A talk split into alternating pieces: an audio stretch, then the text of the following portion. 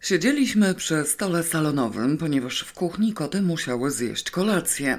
Nadmiar nóg plączących się po podłodze sprawiał, że miały za mało miejsca i trzeba było przenieść się do salonu.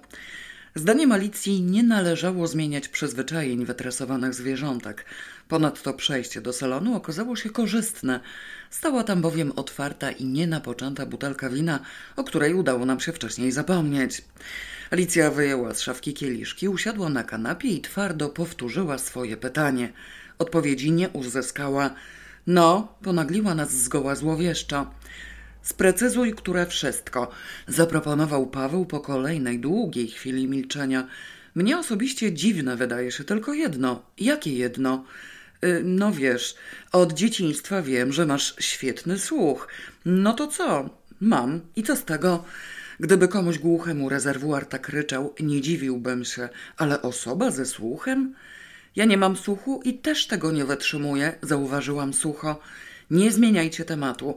Nie podoba mi się ta cała sytuacja i mogę sobie być roztargniona, ale to nie oznacza, że straciłam pamięć i nic nie myślę. Wszyscy wiecie. Nie wszyscy, zaprzeczyłam cichutko. Paweł ma braki. A co? Zainteresował się Paweł i zaczął nalewać wino. Zamknij się, zaraz mu wyliczę. Po pierwsze, po dwudziestu latach przyjeżdża do mnie znienacka bełkot i nachalnie szuka po całym domu czerwonej lampy. Już samo to uporczywe przekręcanie świadczyło o stosunku Alicji do człowieka. Musiała kogoś bardzo nie lubić, żeby tak twardo wyrzucać jego nazwisko z pamięci. W tym miejscu też mam jakieś braki, mruknęła Beata. Czerwoną lampę rozumiem, ale nic nie wiem o bełkotaniu. Cicho bądź, bełkot – Blekot, skarciłam ją. Przestań mylić w ważnych chwilach. W nieważnych mogę, w nieważnych bez różnicy. Dobrze, bełkot, blekot, niech będzie. Przywozi mi tu i podrzuca jakąś idiotyczną prasę, rzekomo ukradzioną Jasiowi. Dlaczego rzekomo? Ani cię nie wierzę. Przestaniecie mi przerywać czy nie? Podrzuca czasopismo z porostem islandzkim i klejnotami jakiejś Konstancji, Klemencji. Wszystko jedno. Bardziej mi do niego pasują klejnoty niż proste. Wygląda na to, że lata mi po domu i pod pozorem lampy szuka klejnotów tej, jakiej tam, Klemencji. Zwariował? Zdziwił się Paweł. Cicho bądź. Po drugie, one obie, Joanna z Marzeną, upierają się nagle robić mi porządek w książkach. I co robią? I znajdują platynowe szachy. Paweł zachłysnął się winem i prychnął na stół. Co takiego? Cicho bądź, platynowe szachy. Ona, Alicja kieliszkiem wskazała Beatę, która już serwetkami śniadaniowymi gorliwie usuwała ślady prychnięcia. Mówi, że to platynowe i możliwe, że ma rację. Po trzecie, wychodek sam z siebie nie ryczał nigdy, a teraz nagle ryczy w nocy, chociaż żadna z nas go nie używała. Po czwarte, ktoś wypił pół butelki koniaku. Jedną trzecią poprawiłam.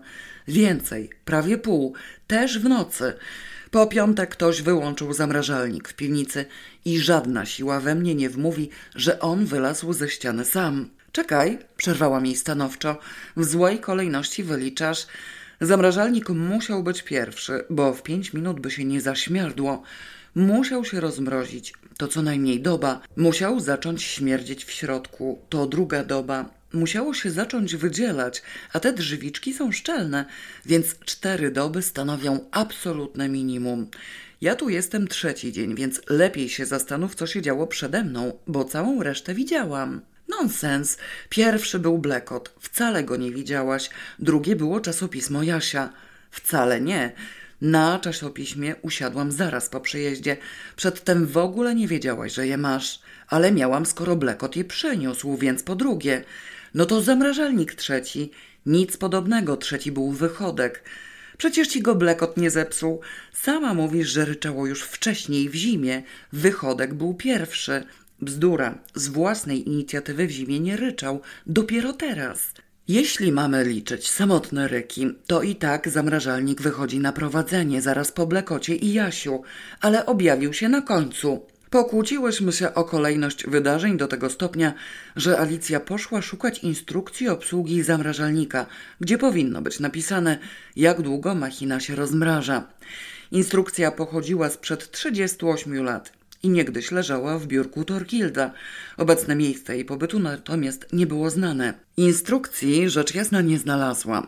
Trafiła za to na tajemniczą torbę foliową, zawierającą w sobie jeden drewniany sabot, starannie i grubo opakowany ceramiczny lichtarz, skamieniałą ze starości suchą kiełbasę i dość wiekową butelkę burgunda. To ostatnie znalezisko bardzo się przydało, bo w trakcie prowadzonych przez Alicję poszukiwań zdążyliśmy wykończyć wino wcześniej otwarte. Coś takiego, powiedziała uradowana. Sama robiłam ten lichtarz i potem gdzieś mi zginął, a całkiem dobrze wyszedł. Popatrzcie, widać na nim tulipany.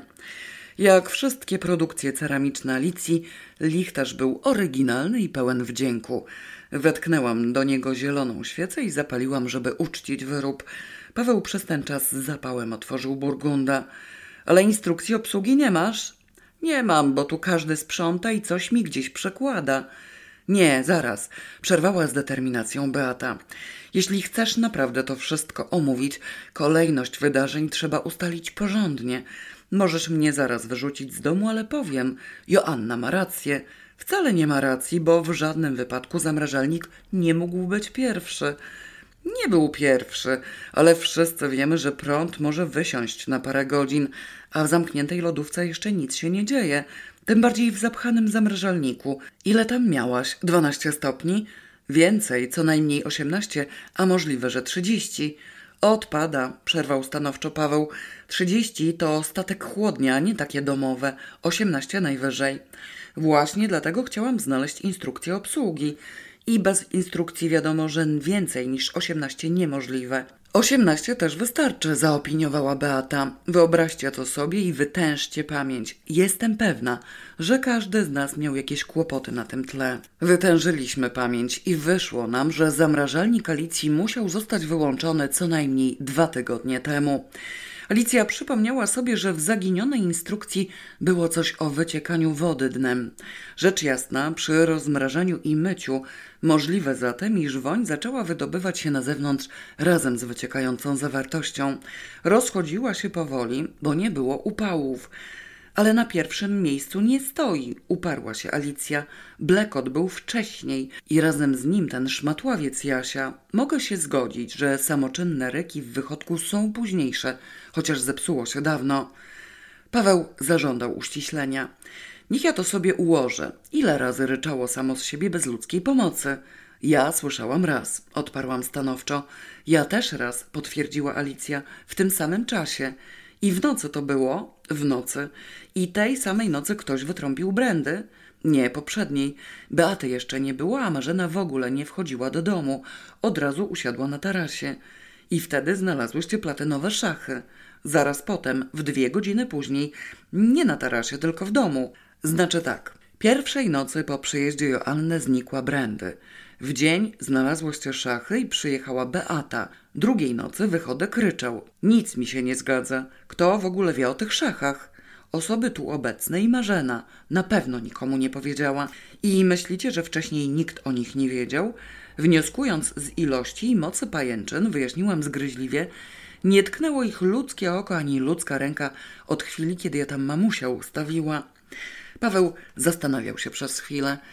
Alicja, ty podejrzewasz, że ktoś ci się zakrada do domu po nocach i grzebie, tak? Od kiedy tak podejrzewasz? Wcale nie powiedziałam, że coś takiego podejrzewam, zaprotestowała natychmiast Alicja. Chciałabym tylko wiedzieć, po jaką cholerę przyjechał tu bełkot, do czego miał służyć brukowiec Jasia, kto wypił koniak, kto spuszczał wodę w wychodku i kto mi wyłączył zamrażalnik.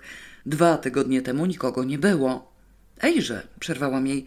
A jak przyjechałam, mówiłaś, że jest spokój dopiero od paru dni. Kto to był przedtem? To zależy w jakim sensie. W jakimkolwiek. Ktoś mógł nocować albo przychodzić z wizytą, robić zamieszanie, zawracać ci głowę. Kto? Alicja zawahała się. No różne osoby. Nie pamiętam kolejności. Musiałabym zajrzeć do kalendarza. To zajrzyj. Skoro chcesz wyjaśnić sprawę, wysil się nieco. Alicji najwyraźniej w świecie okropnie nie chciało się wysilać. Wyczerpało ją zapewne poszukiwanie instrukcji obsługi i miała nadzieję dokonać odkryć na drodze dedukcji za pomocą samego gadania przy stole. Nagle zalęgło się we mnie straszne podejrzenie, że może przyjmowała psychopatę, do czego nie chce się przyznać. Alicja, kto tu był? spytałam z wielkim naciskiem. Edith przychodziła codziennie i radziła się mnie, co ma wziąć ze sobą, bo jedzie do Australii. Jakieś kiecki przenosiła, pokazywała i pytała, czy brać. Mnie pytała, już nie miała kogo. Na szczęście pojechała wreszcie. Przeszło tydzień temu. Małga była przez trzy dni, przyjechała po swoje obrazy, zabrała je. Gdzie były? Leżały na Pawlaczu.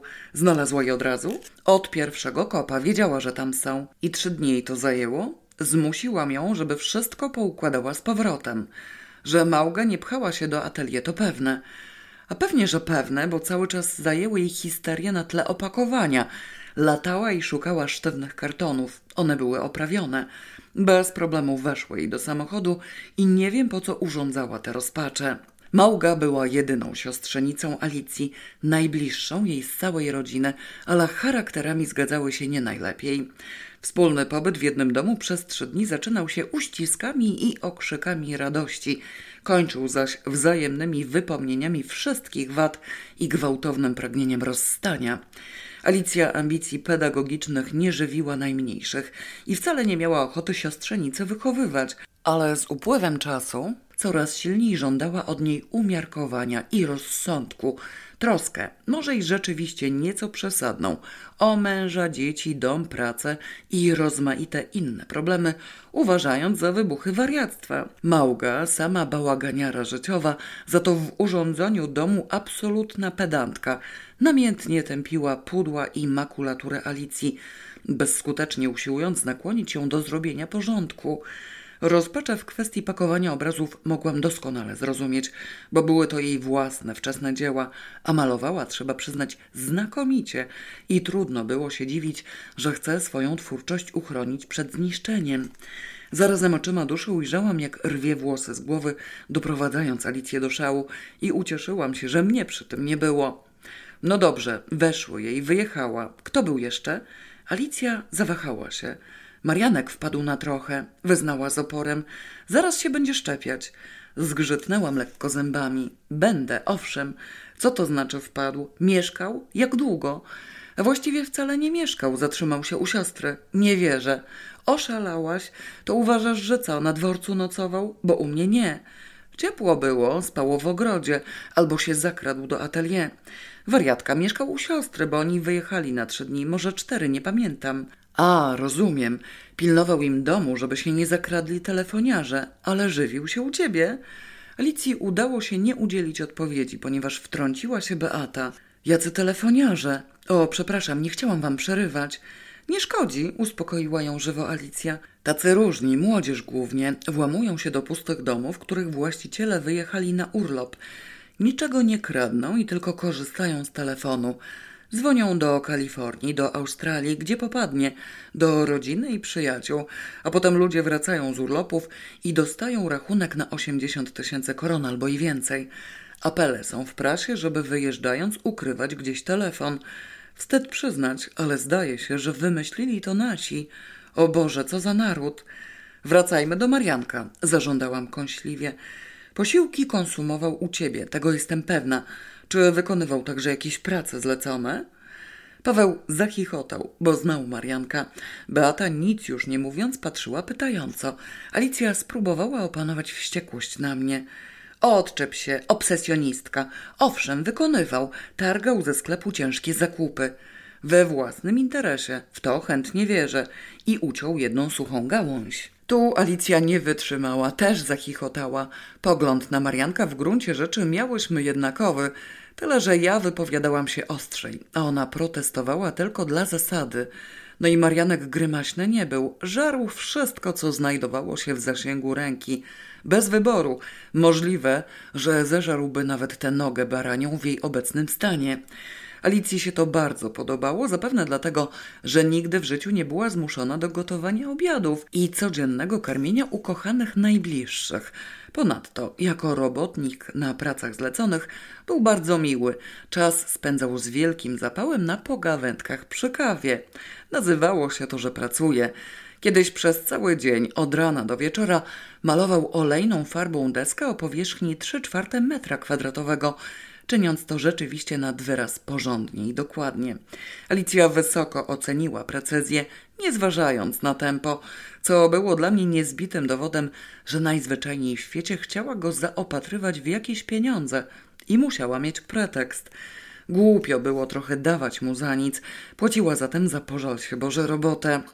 Idiotyzmy, jakie przy tych okazjach Mariankowi przytrafiały się, przerastało wszystko. Biedny chłopiec do myślenia był zdolny tylko w jednym kierunku, mianowicie jak osiągnąć jakąś korzyść dla siebie. Jeśli zatem przy powierzonym mu zajęciu należało myśleć, Pewne było, jak w banku, że zrobi głupotę. Zaciekawiłam się gwałtownie, jaki też numer wywinął tym razem. Którą gałąź? Alicja doceniła uciechy, nawet szkodliwe. Miał uciąć te nad stołem. Ja w każdym razie ją miałam na myśli. Sterczy nadal, widziałam na własne oczy. To też właśnie. Uciął patyk, który sterczał nad tamtym żelaznym stołem w ogrodzie. Z tym, że patyk nie należał do żadnego drzewa. Sama go tam położyłam. Był długi i miał służyć jako podpórka dla gałęzi z jabłkami. Z dwóch stron wystaje i gałęzie na nim leżą. Utrzymuje się w równowadze to znaczy utrzymywał. Marianek uciął z jednej strony. Strasznie się namęczył, bo mu latało. Nie było przymocowane, a wtedy druga strona oczywiście zleciała. Okropnie się zdziwił. Marianek przebija wszystkie możliwości mojej wyobraźni, powiedziałam kręcąc głową w podziwie. Co jeszcze robił? Nie ucinał chyba tego patyka przez cztery dni. Nie, zwierzał się, ma kłopoty. Ale zaraz, miałam ci przypomnieć, żeby uciąć to suche nad tarasem, jak się pojawi jakiś silny facet. Pawłowi mam wrażenie nic nie brakuje. Paweł? Paweł zareagował, jakby mu ktoś chlusnął wiadrem wodą na głowę. Szarpnął się jakoś, zamrugał oczami. Tak, słucham cię. Nie słuchali. Ani on, ani Beata nie słyszeli jednego słowa z naszej rozmowy. Diabli wiedzą, czy coś do siebie mówili, ale między nimi iskrzyło i wcale nie siedzieli tuż obok, tylko naprzeciwko. Paweł na kanapie, a Beata w fotelu pochylali się ku sobie nad stołem. Wyprostowali się teraz gwałtownie. Rzuciłam okiem na Alicję. Nie spojrzała na mnie, prezentowała roztargnienie konkursowe. Paweł, nie teraz, bo już się robi ciemno, ale jutro. Nie uciąłbyś tej suchej gałęzi, która lada chwilę zleci komuś na łeb, tam, na tarasie. Nie ma sprawy, bardzo chętnie piłę masz. Mam, nawet kilka. Jutro znajdę. No to bez problemu. Zaraz, na czym stoimy w tych gościach Alicji?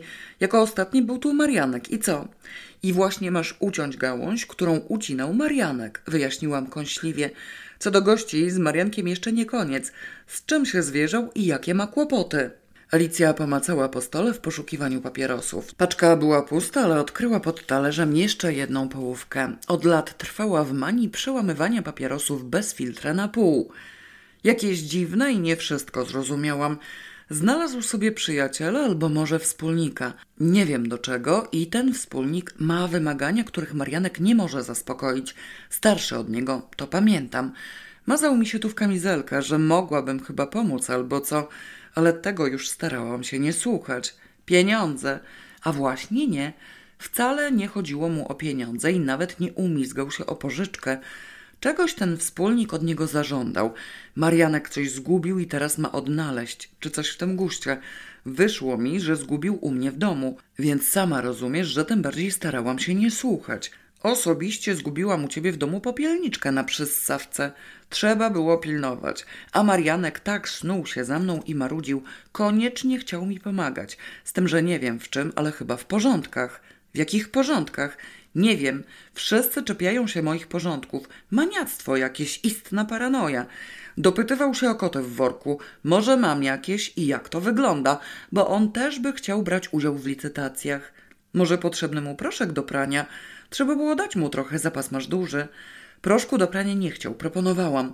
Myślałam, że z wiekiem zmądrzeje, ale zdaje się, że przez ostatnie piętnaście lat do reszty mu się w głowie poprzewracało. Chyba rzeczywiście czegoś szukał, bo z natężeniem wpatrywał się w różne kąty. Nie posuwając się do czynów, nie dlaczego. Jedno pudło z podłogi przestawił na fotel. A to dlatego tu leżała taka chwiejna piramida. Któryś kot na niej spał. Kotów bał się panicznie, bo go nie lubiły. Niczego nie znalazł i pojechał. A kto to był, ten jakiś starszy wspólnik? Nie mam pojęcia, też pewnie kretyn. Nawet nie wiem tutejszy czy z Polski. No dobrze, Marianka mamy z głowy, chociaż zalicza się do grona podejrzanych. Wątpliwości wprowadza jego szalona pracowitość. Wątpię, czy zdobyłby się na to, żeby się przedrzeć do piwnicy i wyłączyć zamrażalnik, ale wykluczyć tego nie można. Co dalej? Jakie co dalej? Z gośćmi co dalej? Kto jeszcze był? Nie psychopata przypadkiem? Oszalałaś? Psychopaty bym nie wpuściła. Poza tym, o ile wiem, on znów siedzi, to znaczy leczą go w zakładzie zamkniętym, bo podobno zamieszkał w cudzym domu podczas nieobecności właścicieli i zdewastował im mieszkanie. Tak mi się o uszy obiło, jak mnie policja o niego pytała. Dawno? Nie, ze trzy miesiące temu. Na narty wyjechali. Na krótko, ale zdążył przez ten czas zalać wodą połowę pomieszczeń, zepsuć wszystko w kuchni i porąbać meble ogrodowe, żeby palić ogień w kominku. Ale ten kominek był sztuczny, na prąd, więc istny cud, że nie spalił im całego domu. Pokiwałam głową z politowaniem. A tego chciałaś hodować u siebie? Wcale nie chciałam, sam się zagnieździł. W każdym razie przy moim zamrażalniku jako sprawca odpada. Westchnęłam ciężko, podniosłam się i poszłam do kuchni po papierosy dla niej i dla siebie. Koty już zjadły kolację i porozkładały się w różnych punktach mieszkania. Jeden wlazł na narożną szafkę i patrzył na nas z góry ze wzgardliwym wyrazem twarzy. Beata i Paweł z wyraźnym wysiłkiem oderwali się od siebie, gorliwie starając się symulować zainteresowanie sytuacją i kłopotami Alicji. Włączyli się w rozważania. Znaczy, podsumował Paweł, ja pamiętam, ostatnio pętały się tu trzy osoby: Edith, Małga i Marianek. Osobiście wykluczyłbym tę całą Edith. Ona nie z tych, co łażą po piwnicach. Małga mogła, skoro szukała opakowań. Zdaje się, że w atelier leżą jeszcze takie sztywne kartony Torkilda. Ale nie rzucają się w oczy, bo stoją przy ścianie przyciśnięte komodą, przypomniałam. To nie wiem. Skoro jednak Alicja twierdzi, że ktoś się zakrada i grzebie, Rozważania nam okulały, Alicja zaś nagle zamilkła. W zadumie wpatrywała się w kota na kominku, nie odpowiadając na pytania, aż do chwili, kiedy zrobiłam następną kawę i podetknęłam jej filiżankę. Wówczas jakby się przecknęła. No nie wiem, rzekła. Marianek ględził mi o kotach w worku, a tam na dole stoi w kącie wypchany koci worek i trudno się do niego dostać, ale go widać. No, nie cały, kawałek. I myślisz, że Marianek lazł do niego? Możliwe, z tym, że tam już nie ma pierwotnej zawartości. Tylko co? Alicja zawahała się, wypiła trochę kawy i stłumiła lekkie zakłopotanie. To stary worek, wepchnęłam do niego rajstopy i pończochy, te, które dawno temu oddawało się do repasacji. Myślałam, że przy jakiejś okazji zabiorę to ze sobą do Warszawy, albo może ty zabierzesz. O Jezu, powiedziałam cichutko, ale zaraz potem okazało się, że już oczek nie łapią. I nic tam więcej nie ma? zapytał Paweł. Nic, o ile pamiętam.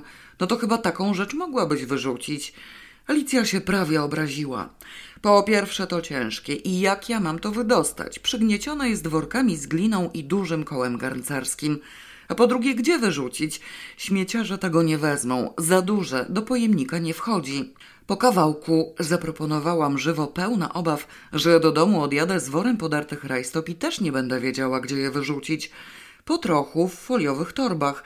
W końcu to mięso z podfurtki też upłynniłam tylko częściowo. Dwie torby wzięłam, a reszta została i śmierdzi. W Pawła wstąpiła nagle energia. Zerwał się z kanapy. Czekajcie, przypomniałaś mi, trzeba to załatwić. Jest ciemno, też zabiorę parę sztuk. Gdzie wyrzuciłaś tamte? Do śmietnika przy parkingu, za wychodkiem miejskim. To ja pojadę do Bruksena i może za netto wezmę więcej. Weź pudło z nogą baranią, ja mu nie dałam rady. A w ogóle lepiej wyrzucać w dwie osoby. Jedna podnosi pokrywę, a druga wrzuca. Siup i już. Mnie było trudno. Jedną ręką pokrywę, drugą torbę. To ciężkie. Pojedziemy razem, zaproponowała natychmiast Beata i wystrzeliła z fotela. Pomyślałam, że wonie na tej randce będą mieli niezmiernie romantyczne. Tylko niech was nikt nie złapie, zaniepokoiła się Alicja. Co ma kto łapać? Znikli nam z oczu. Podeszłam do kominka, pogłaskałam kota, który przyjął to łaskawie, po czym wróciłam do Alicji. Czekaj, załóżmy, że Marianek narwał się na wór z pończochami. Potknął się o przewód, wyrwał go z kontaktu, wyłączył zamrażalnik, do wora się nie dostał. I potem co? Przyszedł ponownie wczoraj i spuszczał wodę w wychodku? Do Marianka to podobne. Ale niemożliwe, żeby przyszedł i niczego nie zjadł. Nie zauważyłaś dziś rano braków w pożywieniu?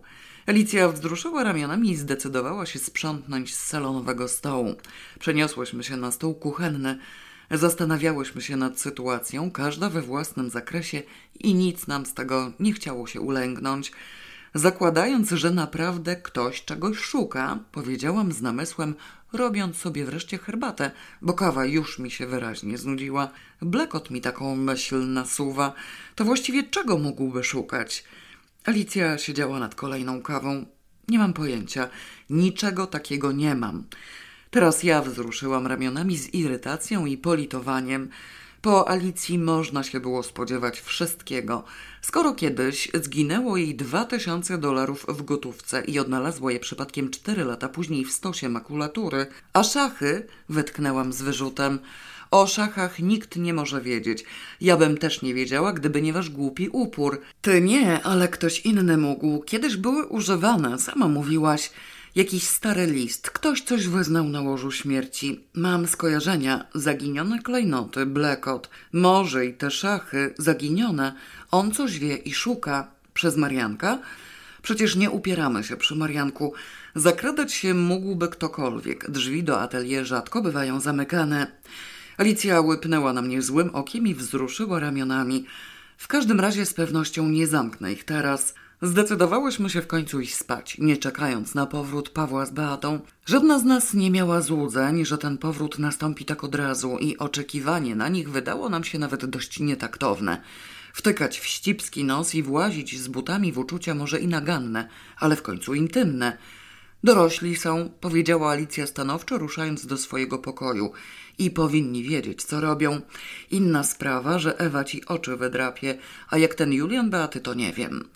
Od razu postanowiłam, że kontaktu z Ewą Pawła przez jakiś czas będę starannie unikać. Juliana na szczęście osobiście nie znałam. Potężny ryk wychodka wyrwał mnie z pierwszego snu i natychmiast potem usłyszałam gdzieś w głębi domu brzękliwy łomot, nieco cichszy, ale za to dziwniejszy. Zrozumiałam, że Paweł z Beatą wrócili. Której z nich przez roztargnienie i odruchowo spuściło wodę w toalecie, a na to prawdopodobnie zareagowały koty. W nerwach musiały coś potrącić. Idąc spać, dom zostawiłyśmy otwarty. Można powiedzieć na przestrzał. Drzwi wejściowe zamknięte tylko na klamkę, drzwi na taras otwarte na oścież, drzwi w atelier i małe okno naprzeciwko nich uchylone.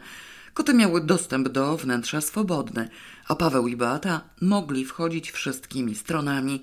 Zlekceważony, hipotetyczny intrus również. Wahałam się przez chwilę, wstawać czy nie, ale usłyszałam ruch w kuchni i ciekawość przemogła lenistwo. Chwyciłam szlafrok i weszłam z pokoju. Alicja zapaliła już wszystkie światła. Beata była w salonie, Paweł w kuchni. Ciężko skruszony błagał o przebaczenie. Pomylił się, to znaczy zapomniał. Przypomniało mu się o ryku, kiedy już pociągał za ten cholerny sznurek i nie zdołał wstrzymać gestu. Zakłopotana i przestraszona Beata zawiadamiała, że łomoty dobiegły z atelier. Wyraźnie słyszała. Przestańcie mówić równocześnie, zażądała Alicja. Jak to z atelier? Przecież koty są tutaj. Trzy czarne kupy futra wpatrywały się z tarasu w oświetlone wnętrze. Nie robiły wrażenia spłoszonych. Ale rumor był w atelier, uparła się Beata. Poparłam ją. Też mi się wydawało, że łomoty rozległy się w tamtej stronie. Przecisnęliśmy się wszyscy w pośpiechu przy spokój telewizyjny. Stosu na wznoszącego się nad barierką, nie było. Pieczołowicie ułożone przez nas pudła, półeczka, stojak pod doniczkę i diabli wiedzą co jeszcze. Wszystko razem zleciało w dół na zbity pysk. Stojak musiał wypaść z opakowania, skoro brzęczał. Ponadto Alicja przypomniała sobie nagle, że w jednym pudle leżały zapasowe armatury kuchenne i łazienkowe. Taktownie przyhamowałam pytanie, ile też wiosen owe armatury sobie liczyły, bez względu bowiem na wiek brzęczeć miały prawo, szczególnie, że wszystkie przedmioty, lecąc, obijały się o poziom pośredni pomiędzy górą a piwnicą. Tam również znajdowała się balustradka. Samo z siebie nie zleciało, zaopiniowała zimno Alicja. Ktoś musiał potrącić. O, powiedziałam żywo, spojrzawszy w dół. I drzwi są inaczej odsunięte. Było mniej, teraz jest więcej. Alicja popatrzyła z uwagą, zeszła po schodkach i zajrzała za wielkie stare biurko, niewidoczne pod zgromadzonym na nim balastem. Oczywiście, że jest więcej. Paproć zleciała. Specjalnie odsunęłam tylko do kwiatka. Jakiś kretyn popchnął i proszę, wszystko na ziemi.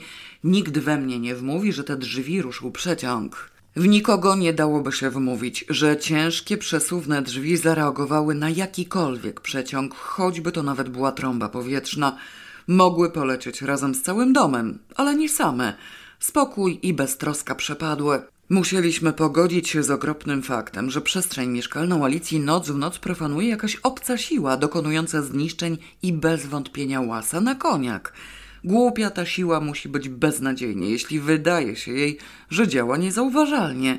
Albo jest mu, temu jakiemuś wszystko jedno, podsunął Paweł wracając do salonu. Gówno go obchodzi, wiemy o nim czy nie, robi swojej cześć. I węchu nie ma, zauważyła z niesmakiem Beata. Tam jeszcze ciągle strasznie śmierdzi. Zła jak diabli Alicja usiłowała opanować prawdziwe uczucia, żeby we własnych oczach nie zasłużyć przypadkiem na miano histeryczki. Wyeksponowała tylko jeden kłopot, zręcznie udając, że żadne inne nie istnieją. No więc właśnie, mnie też się wydaje, że świeże powietrze do piwnicy to całkiem nie doszło i wściekła jestem, bo nie mogę tego zamrażalnika zamknąć i włączyć. Myślicie, że dobrze mi się wydaje? Doskonale ci się wydaje, jak rzadko, pochwaliłam ją czym prędzej. A zamknięty nie wywietrzeje, z pewnością nie. I cokolwiek tam wetkniesz, przejdzie tym apetycznym aromatem. To jak mam zamknąć dom? Przecież muszę zostawić przewiew, inaczej nie wywietrzę do sądnego dnia. Słuchajcie, może postawić tam wentylator. A może naprawić? Zaczął Paweł i ugryzł się w język. To znaczy tego, zastanowić się. Doskonale zgadłam, że miał na myśli naprawę wentylacji mechanicznej, wykonanej kiedyś pieczołowicie przez Torkilda, zdewastowanej później przez jeża i pozostawionego odłogiem, ponieważ nienawiść Alicji do wszelkiego tego rodzaju napraw znał równie dobrze jak ja. Wolał się jej w tej chwili nie narażać. Może otwierać szeroko tylko w dzień, zaproponowała nieśmiało Beata, a na noc zamykać, a zostawiać samo okno tak odrobinę uchylone. Nie chcę tu nikomu wymawiać, ale przez takie odrobinę uchylone okno Joanna kiedyś wlazła. Wytknęła grzeczniutko Alicja. Byłam młodsza, przypomniałam z westchnieniem. No to co? Skąd wiesz, w jakim wieku jest ten jakiś kretyn? Jeśli to Blekot, wiośnianą młodość ma już raczej za sobą. Nie wiem, czy Blekot. Skoro robimy naradę produkcyjną, ja bym się napiła kawy. Zaraz, ustalmy jak to było. Myśmy poszły spać, wy wróciliście. A, jak wam poszło ze śmieciami? Śpiewająco, zapewnił ją Paweł. Udało nam się upłynnić trzy torby i nogę, każdą sztukę gdzie indziej. Wróciliśmy prawie całkiem bez hałasu i nic by nie było, gdyby nie to, że zapomniałem o tej twojej orkiestrze. Zgadza się, przeświadczyłam. Najpierw zaryczało w wychodku, a potem runęło w atelier, z czego wynika, że ktoś był w atelier na samej górze. Myślał, że wszyscy śpią, bo w domu panowała cisza. Otóż to, spłoszył się rykiem. Może usłyszał jakiś ruch, bo trudno tu się przemieszczać bezszelestnie. Potrącił piramidę na kufrze i uciekł. Czegoś tam chyba szukał. I nawet wiem czego, powiadomiła nas Alicja z zimną krwią, wyjmując z mikrofalówki filiżaneczkę z odrobiną zagrzanej wody. Nie chcecie kawy? W mikropiecu woda gotuje się w minutę. Zrobić wam?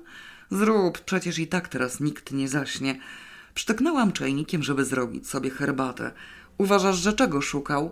Kota w worku, zaczynam być tego pewna. Nie zauważyłaś może, ale tam w kącie koło balustrady stoi jeszcze jeden worek. Zostawiam sobie te worki, bo są bardzo dobre na różne rzeczy. No owszem, nie rzuca się w oczy, bo coś na nim leży, ale kawałek wystaje, a one są dość charakterystyczne. I pchał się do niego i przeciskał obok kufra. A w tym worku jest co? spytałam z szaleńczym zaciekawieniem. Beata i Paweł zamarli nad stołem z łyżeczkami w rękach wpatrzeni w Alicję. Nie pamiętam dokładnie, wyznała Alicja w zadumie. Ale zdaje się, że jakieś resztki odzieżowe. Tak mi się jakoś majaczy. To jeszcze z dawnych czasów. A może mydło siedem kwiatów? Myślę, że do dziś dnia posiadasz cały wór mydła siedem kwiatów. Wydaje mi się ogłuszająca. Powiadomiłam ją po chwili ogólnego milczenia. No nie cały wór, zniecierpliwiła się Alicja. Trochę, no ileś tam. Podobno, tak słyszałam albo może czytałam, zostało stwierdzone, że ono jest dobre na mole. To znaczy mole od niego uciekają. No to przywiozłam sobie. Różne osoby mi przywoziły z Polski, bo co szkodzi sprawdzić i włożyłam je tam na wszelki wypadek. Dobre czy nie, nie wiem. W każdym razie mole mi się jakoś nie zalęgły. I to się znajduje w tamtym worze, powiedział słabo Paweł po kolejnej chwili milczenia. Takie mam wrażenie. Różne resztki mi się plątały. Futerko po teściowej, zdaje się, że kołnierz od żakietu, coś tam jeszcze, chyba jakaś farba i pędzle. Możliwe, że wszystko razem do któregoś worka wepchnęłam i tak mi się wydaje, że to właśnie ten worek. Nawet kiedyś o nim myślałam. Destruktywnie? Co? Myślałaś, żeby może wyrzucić? Nie, żeby sprawdzić, czy tam nie ma starych roboczych spodni Torkilda. Zabrzmiało mi to jeszcze bardziej ogłuszająco. I do czego ci miały służyć robocze spodnie Torkilda? Nie wiem, nie pamiętam. Może dla Dagmar. A może chciałam coś podłożyć przy malowaniu klapy na antresole. Co to ma za znaczenie i w ogóle dlaczego w środku nocy rozmawiamy o starych spodniach Torkilda? Nie rozmawiamy o spodniach Torkilda, tylko o workach na koty, skorygował Paweł. To znaczy o kotach w worku. Ale wiecie, coś mi się chyba pomieszało, bo też nie wiem dlaczego. Z wysiłkiem wydobyłam się spod wpływu mydła siedem kwiatów i roboczych spodni Torkilda. Bo Alicja ma skojarzenie kota w worku z Mariankiem. Między nami mówiąc, sama również używałam na mole mydła siedem kwiatów. Bezskutecznie. Mole czuły się w nim doskonale, ale to może dlatego, że w grę wchodziły mole arabskie. Skąd na litość boską wzięłaś mole arabskie i czym się różnią od naszych? Zainteresowała się gwałtownie Alicja, która z molami miała dość dużo do czynienia. Przywiozłam razem z wełną z Algierii, a czym się różnią nie wiem. Może właśnie stosunkiem do mydła siedem kwiatów. Jak się ich pozbyłaś? Wszystkie tekstylia wystawiłam w foliowych torbach na balkon. Akurat jak była jedna z zim stulecia i przez miesiąc temperatura podchodziła pod 20 stopni mrozu, a w nocy nawet lepiej, stały tak aż do wiosny i podziałało radykalnie. Potem już mola nie widziałam na oczy, chyba że takie spożywcze.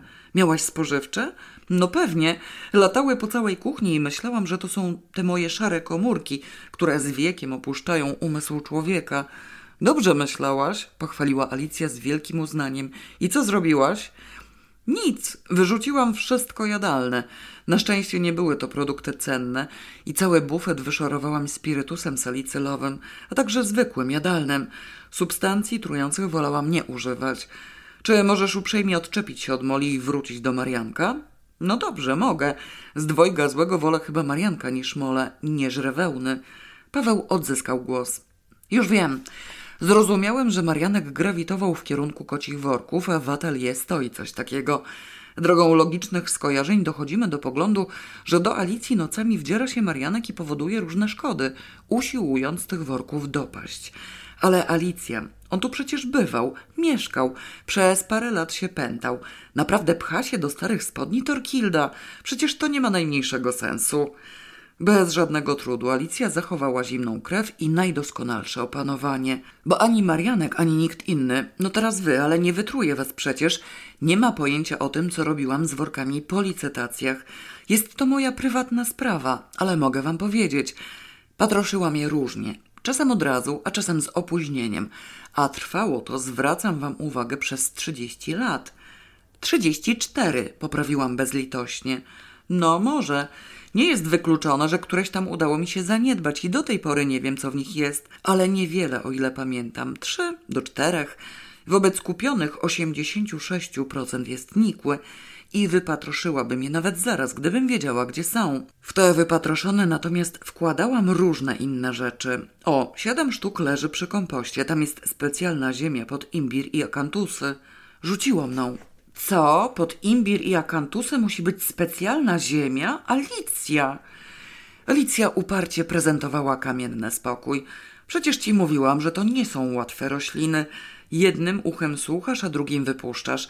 Zlekceważyłaś, powiedziałaś, że w dupie masz ziemię i sama sobie zrobisz na krowim łajnie. One się teraz pokłócą o ziemię i ogród, powiedział Paweł do Beaty zgnębionym tonem. Nie wiem, czy uda się je oderwać od tematu. Może się pozabijają na poczekaniu. Nie znam sedna sprawy i pojęcia nie mam, jak przeciwdziałać. Ja znam, powiedziała bardzo przejęta Beata. Też mam ogród. Widziałam takie szczątki u Joanny. Słuchajcie, ale przecież... O nie, nie mogłam się tak od razu uspokoić. A ja się męczę ósmy rok, jak chora krowa. Skąd dłużej? Od dwunastu lat się z tym gównem kotłuję. A ty mi teraz mówisz, że siedem worków w twoim kompoście leży? Teraz? Od kiedy leży ty zauza? Od wczoraj? A nie mogłaś powiedzieć w zeszłym roku, dwa lata temu. Niech mi łeb odpadnie, jeśli to nie leży od pięciu lat. Popatrzcie, czy się tu gdzieś coś nie turla, bo leży od dwóch. Poprosiła Alicja, spoglądając pod stół i ociekając trującą słodyczą. Więc ten łeb już jej odleciał. Może trzeba znaleźć, bo się ktoś potknie. Uspokój się, idiotko. Dwa lata temu dostałam to od człowieka. Sama robiłam, ale gorsze. Mogę ci dać cały worek. W zeszłym roku bym ci dała, ale nie chciałaś. Zabiję ją, obiecałam z ponurą zaciekłością. Przyjaciółka, nie przyjaciółka, ale muszę ją zabić, bo inaczej szlak mnie trafi. Dajcie mi czegoś, jest jeszcze jedna butelka wina, wiem na pewno. Problem był o tyle skomplikowany, że wielostronne i emocje we mnie w mgnieniu oka utworzyły kłębowisko nie do rozwikłania. Ponuro i bez słowa, zadławiona nieco, słuchałam wyjaśnień Beaty udzielanych Pawłowi. Jak to na własne oczy widziała w moim ogrodzie zdychające imbiry trujące, akantusy długolistne i parę innych roślinek. Wszystko przewożone z różnych stron Europy. Jak wysłuchiwała dramatycznych opowieści o moich staraniach, wysiłkach i klęskach. Jak to Alicja z dna absolutnego i zerowej wiedzy w ciągu dziesięciu lat przeskoczyła na szczyty fachowości ogrodniczej. Jak mnie gnębi głupi pech, jak własną ręką produkowałam kompost naukowy, jak mi do tego miejsca brakowało. Paweł przez ten czas otwierał butelkę. Ja zaś z rozgoryczeniem wspominałam zeszły rok, kiedy to Alicja rzeczywiście proponowała mi worek, a ja jechałam z dziećmi, w cztery osoby, z potwornym bagażem, a w dodatku nie do Polski, tylko do Paryża. Co niby miałam z tym workiem zrobić? Posadzić go na miejscu kierowcy? A teraz mi ta gangrena wymawia, a wcześniej o specjalnej ziemi w ogóle mowy nie było. Do tego Marianek, koty w worku, ryczący wychodek, niebiańskie wonie po nodze, barani, platynowe szachy i blekot. Co za myśl kretyńska mnie naszła, że to będzie przyjemny pobyt. Zawsze, jak nie powiem, to chociaż pomyślę w złą godzinę. Wymamrotałam pod nosem. Dobrze, zabiję ją później. Możemy wrócić do tematu? Czekajcie, zanim co? Powiedział niespokojnie Paweł, któremu ogród nie stał kością w gardle i nie ćmił umysłu. Ta noc i tak zmarnowana. Która godzina? O, już po trzeciej. Może jednak wywieźć gdzieś tę resztę do końca, bo mam wrażenie, że teraz śmierdzi w całym Birkeret. Zaczną szukać źródła subtelnej woni i znajdą pod twoją furtką. To chyba nie będzie dobrze, nie? Padną na ciebie podejrzenia. Nic z tego, przerwała zimno Alicja. Z tamtych śmietników jeszcze nie wywieźli i nie ma tego gdzie utykać. Musimy poczekać do wieczora. Zdążymy. W takim tempie poszukiwań nie zorganizują. W tym kraju nikt się nie śpieszy. Sąsiad doniesie, mruknęłam złowieszczo. Już też cholera nie miało kiedyś się zaśmierdnąć, tylko akurat teraz, kiedy mamy na głowie Marianka. A prawda, jedno z drugim się wiąże. Nie dam głowy za Marianka, przerwała znów Alicja z nagłą determinacją. Nie powiedziałam wam jeszcze, że w okolicy grasuje pasożyt. Zdaje się, że mieszka u Pameli. Teraz się już zdenerwowałam poważnie. Beata i Paweł patrzyli pytająco. Alicja, ja rozumiem, że masz swoje życie prywatne i rozmaite tajemnice, powiedziałam z gniewnym wyrzutem, ale jakiś umiar zachować należy. Pasożyt. Owszem, kompromitacja, ale nie czas teraz na wstydliwe ukrywanie minionych błędów. Jak mogłaś o nim nie wspomnieć? To ten od papierosów i śniadań? Upewnił się żywo Paweł. Ten. Skąd wiesz, że jest i że mieszka u Pameli? Był tu u ciebie? Alicja zdołała stłumić zakłopotanie. Zapaliła papierosa, mimo iż poprzednia połówka dymiła na popielniczce. Mnie unika jak morowej zarazy, ale widziałam go na mieście. Razem z Pamelą wychodził ze sklepu. To uważasz, że co?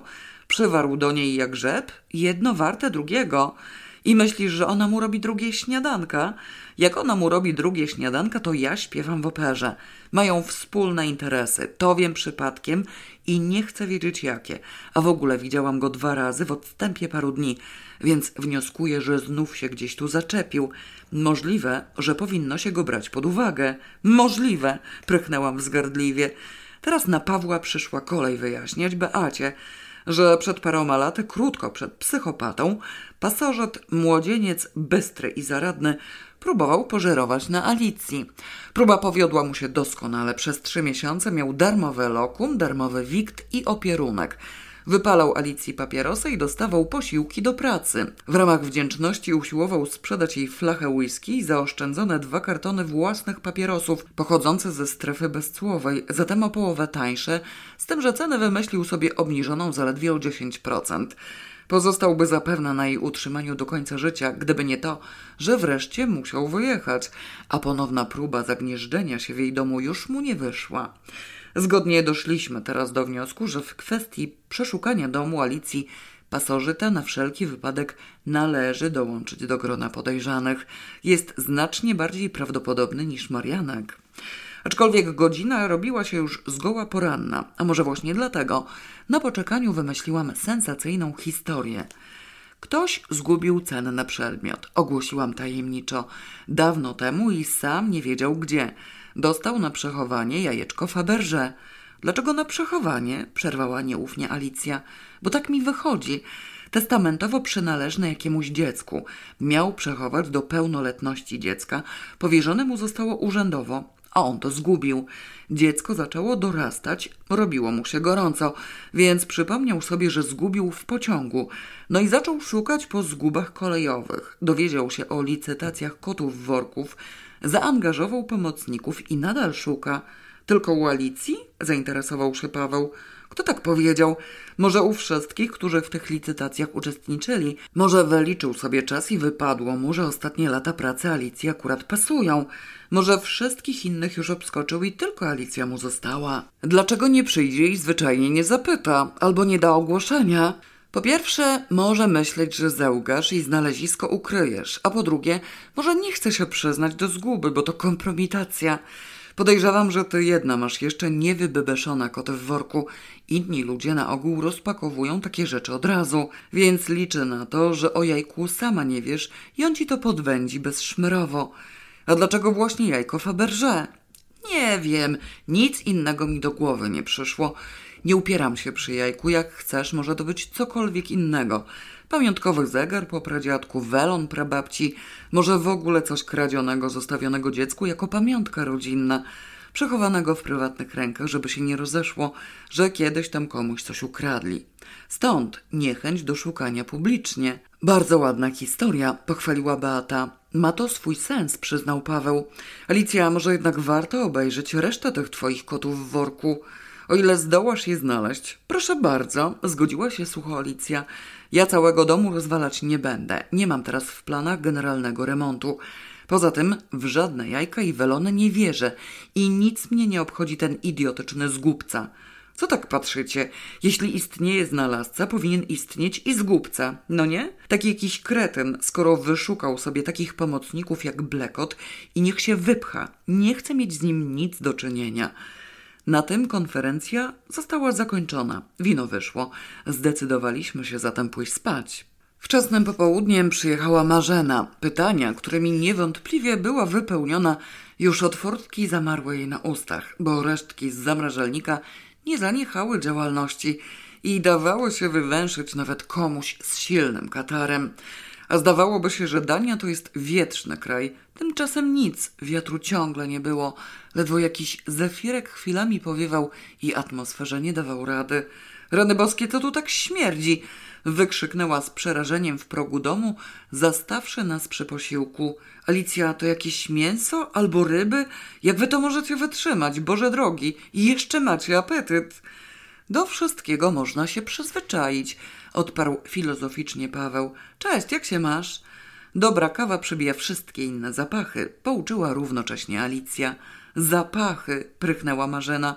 Jeśli to jest zapach, skąd się to wzięło? Czy nie można tego wyrzucić? Noga barania straciła cierpliwość i postanowiła udać się w siną dal, oznajmiłam uroczyście. W zasadzie już poszła, ale zostały drobiazgi towarzyszące. Siadaj, siadaj, damy ci kawy, a może koniaczku, powąchasz sobie? O istnieniu zamrażalnika w piwnicy i jego zawartości Marzena wiedziała doskonale. Zaciekawienie przebiło w niej inne doznania. Bez grymasów usiadła nad kawą i koniaczkiem i wysłuchała całej opowieści o wydarzeniach z supozycjami i wnioskami włącznie. Przejęła się bardzo. Gdyby nie to, że ten ubytek brandy nastąpił wcześniej, Alicja jest też pewna, wierzę w twoją spostrzegawczość. Naprawdę myślałabym, że ktoś nas podglądał przy szachach i teraz ich szuka. Podglądanie odpada, przerwała mi energicznie. Rozejrzyj się po otoczeniu. Oglądałyśmy je w moim pokoju. Zauważyłaś, co się tam dzieje pod oknem? Pnące róże, dzikie wino i to dziwne znalezisko na dwa metry wysokie. Tam się w ogóle do szyby przedrzeć nie można. Od ulicy żywopłot urósł i bardzo zgęstniał. W tym kawałku ogrodu można grób kopać albo bitwę toczyć i nikt niczego nie zauważy. Ale ktoś mógł o tych szachach wiedzieć. Gdyby wiedział, miał ćwierć wieku na znalezienie. Przerwała mi z kolei Alicja. Przypominam ci, że w tym pokoju spał pasożyt, bełkot, Marianek, psychopata, Małga, Stasia, ty i jeszcze parę innych osób. Wymieniam jak leci, podejrzane i głupie. Ja w tym domu sypiałam wszędzie, wytknęłam z lekkim rozgoryczeniem. No więc szachy niepewne, ale prawdopodobne, zadecydowała Marzena stanowczo, bo rzeczywiście wygląda na to, że ktoś szuka czegoś. Od kiedy? Może to nam coś da. Alicja, od kiedy zaczęłaś dostrzegać rozmaite zmiany? Od lat. Ustawicznie ktoś mi tu coś przestawiał, przekładał i sprzątał. Rozzłościłam się z nienacka i postanowiłam sprostować. Gówno prawda i nie mądrzyj się teraz. Policzę porządnie. Zaczęło się dopiero po twojej pierwszej Grenlandii. Kiedy tam pojechałaś? Zaraz. 85, 17 y, lat temu. Zdjęcia, slajdy. Oglądałam je w miesiąc po twoim powrocie. Wszystko leżało na swoim miejscu. Nietknięte. Sięgałaś ręką w ślepo. Nikt niczego nie ruszał, bo jeszcze było dużo wolnej przestrzeni. Dopiero później, o, w rok później, jak przyjechałam, pyskowałaś, że masz poprzekładane, ale wtedy było dużo osób. No i potem stopniowo, jak się urwała półka w kotłowni i jak przywiozłyśmy te dwa regały z targowiska, jak wróciłaś z Kalifornii z tobołem jakiś bulw i cebulek, jak Krystyna zostawiła swoje rzeczy, jak wyrzuciłaś fiszharmonię, od fiszharmonii zrobiło się więcej miejsca ale gdzieś to miejsce znikło. Sama przenosiłaś, co popadło, jak ktoś przyjeżdżał. Z tym, że to jeszcze nie było prawdziwe szukanie i nie wiem, co dokładałaś, bo nie siedziałam tu bez przerwy. Na grzebanie i szukanie wygląda to dopiero teraz i wcale nie wiem, czy nie od wiosny, od wizyty Blekota. No więc właśnie, co z tym Blekotem? Zniecierpliwił się Paweł. Nie znam człowieka, ale źle o nim słyszę. I słusznie, powiedziały równocześnie Alicja i Marzena. Anita coś wie. Podjęłam, zbaczając trochę z tematu. O coś Blekota podejrzewa. Nie wiem, czy to czasopismo Jasia ma jakiekolwiek znaczenie. O co tu chodzi? O porost islandzki czy o klejnotę królowej Klemencji? Ale stąd mi się zalęgło jajeczko Faberże. Czasopismo może być po prostu mylące. Gdzie ono w ogóle jest? Alicja, znajdź jej, przeczytaj całość porządnie od deski do deski, niech nam nie bruździ. Wy obie, ty i Marzena, bo reszta po duńsku nie umie. Noga barania wskazuje, że on się pcha do kotów w worku, powiedziała Alicja.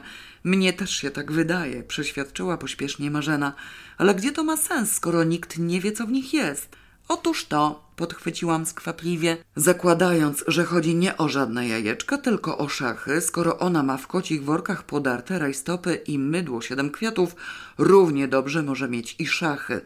Ten poszukiwacz nie wie przecież, kiedy ona to znalazła, jeśli w ogóle znalazła, a mieszkające tu osoby zdołały może poznać jej obyczaje. Ten pasożyt jakoś mi się nie bardzo podoba, zauważyła nieśmiało Beata. Wnioskuję tylko z tego, co słyszę, bo ludzi nie znam i przy niczym mnie nie było. Pamela. Zdecydowała się nagle Alicja z jakąś zaciętą satysfakcją. Jak to? Nie mam już kawy?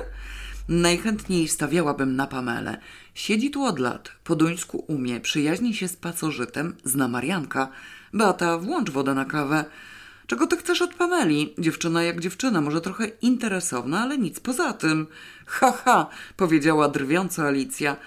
Pamela jako młoda dzieweczka przyjechała do Danii, poślubiła Duńczyka i została na zawsze. No i cóż takiego, wielkie rzeczy, nie ona jedna. Urodziła syna, prowadziła dom, a że Duńczyk zaliczał się do zamożniejszych, to co? Nigdzie nie jest powiedziane, że koniecznie trzeba poślubiać nędzarzy. Ładna była i wcale nie głupia. Język opanowała w tempie godnym podziwu. Niby same zalety, ale jednak Alicji zdołała się narazić. Może brakiem taktu, a może przesadną szczerością. Nie kryła się bowiem, iż węzłem małżeńskim połączyło ją wygodne życie, nie zaś wielka miłość. Trudno się w końcu dziwić, że z octu na półkach i pustych haków w mięsnym sklepie chętnie przeniosło się do kraju obfitości, bo akurat jej to wypadało w tamtych pięknych czasach. Męża traktowała dosyć przyzwoicie. Żadne zdrady w grę nie wchodziły, bo z kim do licha miałaby go zdradzać? Z Turkami? Skandynawia wybuchom erotycznym nie sprzyja. Gdyby oszalał na jej tle jakiś milioner, bez chwili namysłu dokonałaby zamiany. Nie kryła tego. Ale gdzież niebieskooka blondynka miała w Danii znaleźć tego milionera? W Argentynie, w Brazylii, w Egipcie – a to owszem, ale nie tu. Trwała zatem przy mężu i całkiem niepotrzebnie ujawiła Alicji naganne cechy charakteru. Osobiście Pamelę nawet dosyć lubiłam. Nie trawiłam natomiast jej mamusi, która naraziła się Alicji znacznie bardziej i pojąć nie mogłam, jak ona tę mamusię wytrzymuje. W kolekcji głupich bab u mnie zajmowała z pewnością jedno z pierwszych miejsc. Kto wie, czy nie naczelne. I kontaktu z nią po pierwszym doświadczeniu unikałam jak ognia. Pamela zresztą też nie rwała się namiętnie do zapraszania rodzicielki. Może Alicja cechy mamusi bezwiednie przerzuciła na córkę. A może zraziło ją, że córka trochę nachalnie poszukiwała w Danii męża dla mamusi bogatego i możliwie starego. Najlepiej po dziewięćdziesiątce, żeby szybko umarł i zostawił jej spadek. Nie mogłam jej za to potępiać, bo tylko takim sposobem uwolniłaby się wreszcie od koszmarnej, dennej, głupiej wiedźmy. Gdybym miała taką mamusię, wydałabym ją bodaj ze smoka wawelskiego. Alicja jak zwykle w tym miejscu niekonsekwentna, zdając sobie sprawę z przeraźliwej głupoty tej podstarzałej idiotki, uparcie dziwiła się wynikającym z kreteństwa poczynaniom. Wciąż wydawało jej się, że umówiona na piątą po południu mamusia przyjedzie o piątej po południu, a nie o dwunastej w nocy, względnie o piątej rano. I pozostanie przez uzgodnione trzy kwadranse, nie zaś przez całkowicie nieuzgodnioną dobę. Albo nie wpadnie na dwugodzinny momencik skorzystać z maszyny do szycia dla obrębienia sobie szlafroczka – Dokładnie w chwili, kiedy Alicja z walizkami w ręku odjeżdża na lotnisko, gdzie już jej warczy samolot do Kalifornii, albo nie wywinie jeszcze jakiegoś innego podobnego numeru. Za każdym razem oburzone zdumienie Alicji wybuchało z taką siłą, jakby niczego podobnego nie można się było spodziewać. Ze mnie zaś wyrywały się rozpaczliwe jęki. Moim zdaniem Pamela swojej mamusi dopiętnie sięgała. Charakter mogła sobie mieć gorszy, ale przynajmniej rozumiała, co się do niej mówi. Tym razem o Pamele kłóciłyśmy się krótko, bo z wielką energią wkroczyła Marzena. Pameli wykluczyć nie można, ale z pierwszego miejsca bym jej nie dawała, chyba że zna Blekota. Popatrzyła na nas pytająco i bez rezultatu, bo nikt z nas nie wiedział, jakie znajomości Pamela mogła pozawierać. Poza tym, kiedy Blekot obrażał mnie tu deklaracjami przyjaźni ze swoją pierwszą wizytą, była jeszcze dziewczynką chodzącą w Polsce do szkoły – Przyjechała do Danii parę lat później. Zna Marianka psychopata, o ile wiem, a teraz słyszę, że i pasożyta, wyliczyłam. Co do Blekota, należałoby spytać Anitę. Obie z Pamelą też się znają. A, Anita zna i mamusię, ale gdybym miała wybierać między mamusią a czarną mambą, stawiam na mambę wszystko, co posiadam. Raz się ostatnio z mamusią widziała, zachichotała Alicja, tu u mnie w zeszłym roku. A widziałaś gdzieś mambę na podorędziu? Dałaś jej wybór? Boże, przecież wy jesteście cudowne! Wyjęczała nabożnie Beata, zastygła nad czajnikiem, który już dawno przytyknął. Tak, z nimi można zwariować, przyświadczył Paweł z przekonaniem i sięgnął po butelkę piwa. Uspokójcie się, zirytowała się Marzena. Ja sama nie wiem, którą z nich wolę, z tym, że mamby stanowczo nie chcę. Skoro prowadzimy śledztwo, prowadzimy, nie? Trzeba sprawdzić, czy Pamela zna Blekota. Gdzie Anita? Spodziewasz się jej wizyty?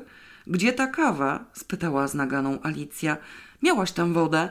Czy ktoś mógłby znaleźć czyste popielniczki? Musiałam ją zastąpić, bo głowę położyłabym na pniu, że nie słuchała wczoraj wyjaśnień i zwierzeń Anity w kwestii jej obowiązków służbowych i żadnej sensownej odpowiedzi nie mogłaby udzielić. Drogą dedukcji, owszem, doszłaby do czegoś, ale nie tak zaraz i w ogóle by się jej nie chciało. Anita będzie tylko patrzeć, zapewniłam Marzenę. Robi coś tam w Heldinger i jeździ codziennie. Jest zaciekawiona. Już samo to jedno by wystarczyło, ale chce także odzyskać czasopismo Jasia. Alicja, znalazłaś już? Nie, i teraz szukać nie będę. Podobno mamy je przedtem przeczytać, czy może tylko tak mi się wydaje. Gdzie ta kawa? Beacie zatrzęsły się ręce, ale mimo wszystko trafiła wodą do filiżanek. Sięgnęłam po puszkę. Paweł obrzucił wzrokiem stół i pośpiesznie wygrzebał za zasłony na końcu bufetu trzy czyste popielniczki, upychając na ich miejsce używane. Oceniłam to jako zły znak. Wiedział oczywiście, że umyte popielniczki Alicja trzyma na samym skraju kuchennego bufetu, pomiędzy zasłoną a wiaderkiem ze składnikami kompostowymi. Ale gdyby nie Beata, pamięć z pewnością odmówiłaby mu usług. Niedobrze. Chyba za dużo się między nimi zalęgło. Marzena z uporem starała się uporządkować sytuację. Ale nawet jeśli do tego całego grona podejrzanych dołożymy Pamelę. Nie, nie tak. Zostawmy ją na koniec. Jak zapytamy Anitę, mówcie o kotach w worku. Alicja, przypominam ci, że sama trafiłam na kocie worki pod szafą na bieliznę w ostatnim pokoju, tym dla Pawła. Dla Beaty, poprawiła Alicja. Paweł śpi w telewizyjnym. Bez znaczenia. Wlazłam na nie. Czy to nie są koty wybebeszone? Bo zdawało mi się, że nie. A skąd ja mam to wiedzieć? Jesteś pewna, że to były kocie worki? Musiałabym popatrzeć. To może popatrz, co? Teraz, zaraz. A kiedy? Jak już ten poszukiwacz straci cierpliwość i rozwali ci łeb? I co mu z tego przyjdzie? Tylko stratę poniesie. Na moment z resztkami woni nogi barani wymieszała się ogólna dezorientacja. No owszem, każdy zabójca, o ile oczywiście zostanie złapany, ponosi niewątpliwie straty. Ale tak od razu przy Alicji, czy na pewno zostanie złapany? Jakie straty? spytała Marzena podejrzliwie. Małga przyleci pierwszym samolotem i natychmiast zacznie robić porządki w domu i nie spocznie, póki nie skończy. Myślisz, że da mu jakąś szansę? Czegokolwiek on szuka, ona to znajdzie wcześniej, więc na co mu takie komplikacje? Ona jest moją spadkobierczynią, o czym wszyscy wiedzą, a wykonawcą testamentu jest Elżbieta. Przyleci ze Szwecji jeszcze szybciej niż Małga z Francji. Jak się złapią za te porządki wspólnymi siłami, Kamień na kamieniu tu nie zostanie. Wyraźne zadowolenie Alicji w obliczu katastroficznej wizji wydawałoby się całkowicie niezrozumiałe, gdyby nie znało się źródła. Znaliśmy je wszyscy, z wyjątkiem Beaty, która już zaczynała coś węszyć, chociaż o konkretach nie miała pojęcia. Już raz tak było. Alicja miała wypadek. Nie własny, cóż znowu. Jechała jako pasażer z Edith, duńską przyjaciółką. Jakoś nigdy nie miałam nabożeństwa do Edith. Okazało się, że słusznie. Prawie nic im się nie stało. Edith miała złamane parę żeber i rękę. Alicja zaś wyleciała na zewnątrz i walnęła głową w kamień. Okres lekkiego zachwiania równowagi przetrwała w domu, gdzie całe grono powinowatych przyjaciół i krewnych otaczało ją opieką, od której to opieki zgrzyt jej zębów wywoływał gromkie echo. Małga z Elżbietą, pielęgniarką z zawodu, z opiekuńczej nadgorliwości zrobiły jej wtedy porządek w szafkach kuchennych. Uchytały się jak woły robocze, przebaczenia nie uzyskały nigdy. Alicja zaś, odzyskawszy zdrowie, z powrotem poustawiała prawie wszystko, co wyrzuciły, a czego nie zdążyli wywieźć śmieciarze. Przepadło jej parę drobnostek, obtłuczona i nadpęknięta miśnieńska solniczka z XVIII wieku, puszeczka z resztką skamieniałej kawy rozpuszczalnej, silnie obdrapana patelnia teflonowa, słoik idealnie zwietrzałego pieprzu, słoik jeszcze bardziej zwietrzałego chrzanu, jedno dziurawe siteczko i coś tam jeszcze podobnego – Jedynym pozytywnym osiągnięciem trwałym okazało się odnalezienie w najdalszym kącie górnej półki dawno zaginionego filmu z fiordów norweskich i wyłącznie przez ten film Alicja nie zerwała na wieki wszelkich kontaktów z własną siostrzenicą i turką najbliższych przyjaciół. Aczkolwiek usunięcie plastikowych miseczek po krewetkach wymawiała im do tej pory. Teraz myśl, że w rozpędzie powyrzucają wszystko z szachami włącznie, najwyraźniej w świecie sprawiła jej żywą przyjemność. Mnie sprawiłaby również, gdyby nie to, że wątpiłam w wyrzucenie. To się tak nie ciesz, powiedziałam karcąco. Po tych twoich dolarach w makulaturze skrupulatnie obejrzą każdy przedmiot. Co prawda dla złoczyńcy tym bardziej przepadnie, więc może ma tyle rozumu, że cię nie zabije. To jak? Robimy coś, czy czekamy na Anitę? Czy pozwolisz, że pójdę do twojego pokoju i wyciągnę z podłóżka czasopismo Jasia, bo pewnie tam leży? spytała Marzena. I jeśli je znajdziesz, zgodziła się Alicja z powątpiewaniem. Znalazła. Obie przystąpiły do lektury. Anity można było spodziewać się dopiero późnym popołudniem. Zdecydowałam się zatem jechać po zakupy spożywcze. Beata wyjawiła chęć pójścia do sklepu po swoje oczekiwane narzędzie, w czym oczywiście Paweł musiał jej pomóc. Nagle zapłonął dzikim uczuciem do przyrządów technicznych. Machnęłam na nich ręką, chociaż wcale nie przestałam być zmartwiona i zabrałam jedną śmierdzącą torbę z podfurtki z nadzieją, że uda mi się gdzieś ją ukradkiem wepchnąć. Pozostały jeszcze trzy torby i jedno pudło. Zamrażalnik Alicji był, jak się okazało, zdumiewająco pojemny. Śmietnika sklepowego nie zdołałam wykorzystać, bo akurat go opróżniali. Cofnęłam się, włożyłam wonny ciężar z powrotem do samochodu i odpracowałam produkty jadalne. Kiedy wracałam na parking z tobołami, dwie osoby sprzątały placek przy śmietniku, więc znów nie mogłam popełnić wykroczenia. Rozzłościło mnie to, uparłam się przy swoim i postanowiłam jechać na stację kolejową, gdzie też stały śmietniki, a ludzi pomiędzy pociągami prawie nie było, a w każdym razie nie powinno być. Nie spełnili powinności, byli, siedzieli przy stoliku na zewnątrz i pili piwo. W dodatku na postoju czekały dwie taksówki, których kierowcy wysiedli i gapili się na okolice. Do śmietnika na drugim peronie musiałabym lecieć po schodach, co mi się wcale nie podobało. Przypomniałam sobie o jeszcze jednym śmietniku na malutkim parkingu po przeciwnej stronie ulicy. Stał w zieleni, więc był słabo widoczny. Zawróciłam, podjechałam tam i wreszcie pozbyłam się świństwa. Po czym nie zawracałam ponownie, tylko pojechałam dalej, ruszając do Alicji drogą nieco okrężną, mało uczęszczaną, ale wiodącą po skręcie wprost do jej domu. Zdążyłam jeszcze pomyśleć, że gdybym skręciła w lewo, a nie w prawo, dojechałabym do Pameli, która mieszkała gdzieś tam po drugiej stronie toru kolejowego i zatrzymałam się na światłach. I wówczas na pustej ulicy zobaczyłam dwie osoby rozmawiające głowa przy głowie, prawie wtulone w żywopłot. Prawdopodobnie równoczesna niemal myśl o Pameli sprawiła, że poznałam ją natychmiast, głównie po wspaniałych włosach. Stała z jakimś facetem odwróconym ku mnie twarzą. W odległych zakamarkach pamięci pisnęło mi wspomnienie. Znałam tę twarz, widziałam ją. Nie mąż Pameli, bo jej mąż był znacznie chudszy. Skąd ja go znam? Blekot, rany boskie, to przecież Blekot. Tak samo unosił jedną brew, kiedy pokazywał zdjęcie żony w paryskiej halce. Takich przeżyć się nie zapomina. Grubszy i starszy, ale on z pewnością. No to już nie musimy pytać Anity, czy Pamela zna Blekota. Światło mi się zmieniło. Ruszyłam niezmiernie przejęta. Wkroczyłam do domu Alicji i okrzyki wydałyśmy równocześnie. Marzena i ja. Słuchajcie, panienki, widziałam Pamelę na kontaktach z Blekotem. Zawołałam już w korytarzyku. Dobrze, że jesteś, ucieszyła się na mój widok Marzena. Co to było z tym twoim jajkiem, Faberże? Zważywszy, iż zarazem wniosłam do domu część zakupów i trudno mi było pomieścić się z torbami w ciasnym przejściu, Alicja zaś zaczęła dopytywać się z naciskiem, czy nie kupiłam przypadkiem czegoś zamrożonego. Osiągnięcie wzajemnego porozumienia napotkało niejakie trudności. Dopiero po przeniesieniu reszty produktów i pozbyciu się ich w kuchni mogłyśmy rozmawiać całymi zdaniami. O jajku będzie krócej, więc powtórz jej od razu, zarządziła Alicja. Ja tak dokładnie nie pamiętam. Chcę piwa póki zimno, odparłam stanowczo i wygrzebałam butelkę z torby. Czy miałaś jakieś jasnowidzenie? Zainteresowała się Marzena, kiedy skończyłam sensacyjną opowieść o cennej zgubie. Czy wymyśliłaś tylko tak sobie, bo to wcale nie jest takie nieprawdopodobne. Też bym chciała zimnego piwa, mogę sobie wziąć?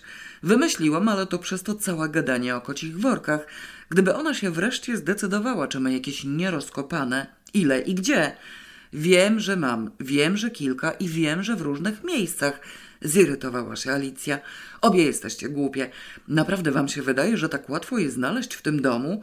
Przejdzie taki łachmyta trzy razy, rozejrzy się już ma, tak? Jeszcze bez trudu je wyniesie. Akurat. Może i mam tu trochę bałaganu, ale proszę, jaki się okazuje użyteczny. Jest w tym odrobina racji, przyznałam z niechęcią, popijając piwo. Ale może jednak zacznij zamykać drzwi, zaproponowała Marzena z troską, przynajmniej na noc. Zacznę, jak przestanie śmierdzieć. Już przestaje. Z atelier wychodzi, prawie wyszło. Główne źródło tkwi teraz przy furtce. Wieczorem usuniemy to z Pawłem do reszty. A w ogóle na razie jest dzień. Poza tym chciałabym się dowiedzieć, czy wy głuche jesteście. Podobno obie macie świetny słuch. Mówię do was jak do ściany. Widziałam Pamelę z blekotem. No właśnie, powiedz o tym. Ożywiła się zmartwiona całą sytuacją Marzena. Rozpoznałaś Blekota? spytała Alicja niedowierzająco. Po tylu latach? Przecież go nie widziałaś od wieków. Mam pamięć wzrokową. On ma taki charakterystyczny nawyk. Zawsze miał. Unosi jedną brew. I sama mi powiedziałaś, jak obecnie wygląda. Zresztą przyznaję, gdybym się na niego natknęła zwyczajnie na ulicy, wcale bym go sobie nie przypomniała. To znaczy, owszem, wiedziałabym, że znam tę gębę z dawnych czasów, ale kto to może być? Zgadłabym po godzinie, po tygodniu albo wcale ale tu mi pomogło skojarzenie. Tyle gadania o nim i do tego Pamela. Akurat o niej myślałam. W dodatku rozmawiali jakoś tak konspiracyjnie wciśnięci w żywopłot. Trzeba było podsłuchać, co mówią.